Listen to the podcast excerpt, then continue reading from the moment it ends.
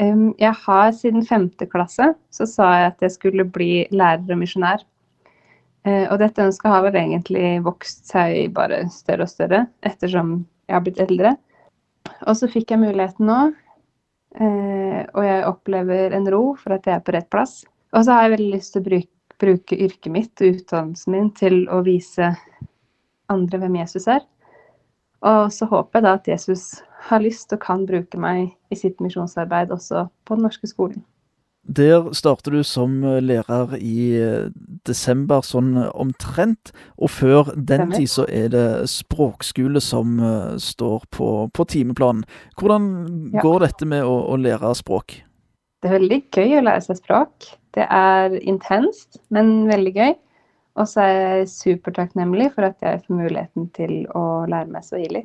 Sånn at jeg har mulighet til å kommunisere med andre kenyanere.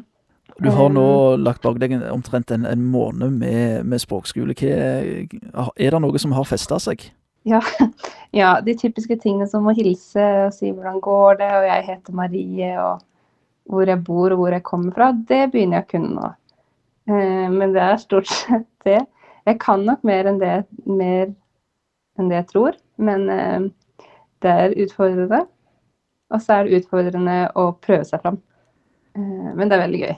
Språkskole har stått på planen den siste måneden, og, men ellers, det å, å reise fra, fra, det kjente Norge til, til Kenya, hva har, mm. har, vært den største forandringen? Den største forandringen er jo at jeg er langt vekke fra familie og venner. Men heldigvis så har vi jo så god teknologi at eh, man kan ja, at jeg kan videochatte med dem. Eh, så savnet blir jo ikke fullt så stort når jeg kan se dem. Ellers så eh, er det ikke oppvaskmaskin her, og det savner jeg. Men eh, det er en sånn eh, verdslig ting som jeg klarer meg veldig fint uten. Eh, og så er det litt varmere her enn det det er i Norge på høsten. Men den største forskjellen er nok eh, å være så langt vekke fra kjente og kjære i Norge. Ja. Så er det jo en, en helt annen eh, kultur òg i, i, Kenya enn hva vi har her hjemme i, i Norge. Hva, hva, har vært den største kulturforskjellen, eller kultursjokket, som du har uh, fått så langt? Det største kultursjokket mitt har nok vært at jeg ikke kan gå på tur utenfor tomta helt alene.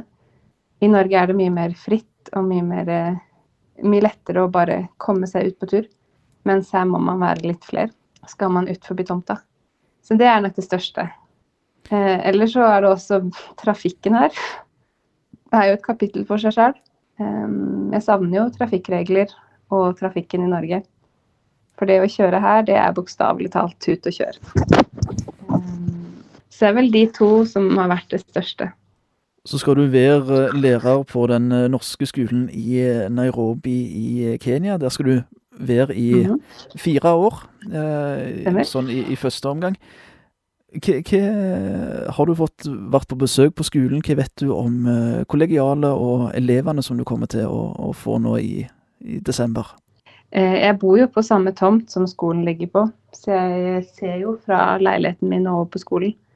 Mm, og jeg går forbi hver gang de spiser lunsj når jeg er ferdig på språkskole. Så går jeg forbi de, og de sitter og spiser lunsj. Bare stopper jeg av og til og snakker med de.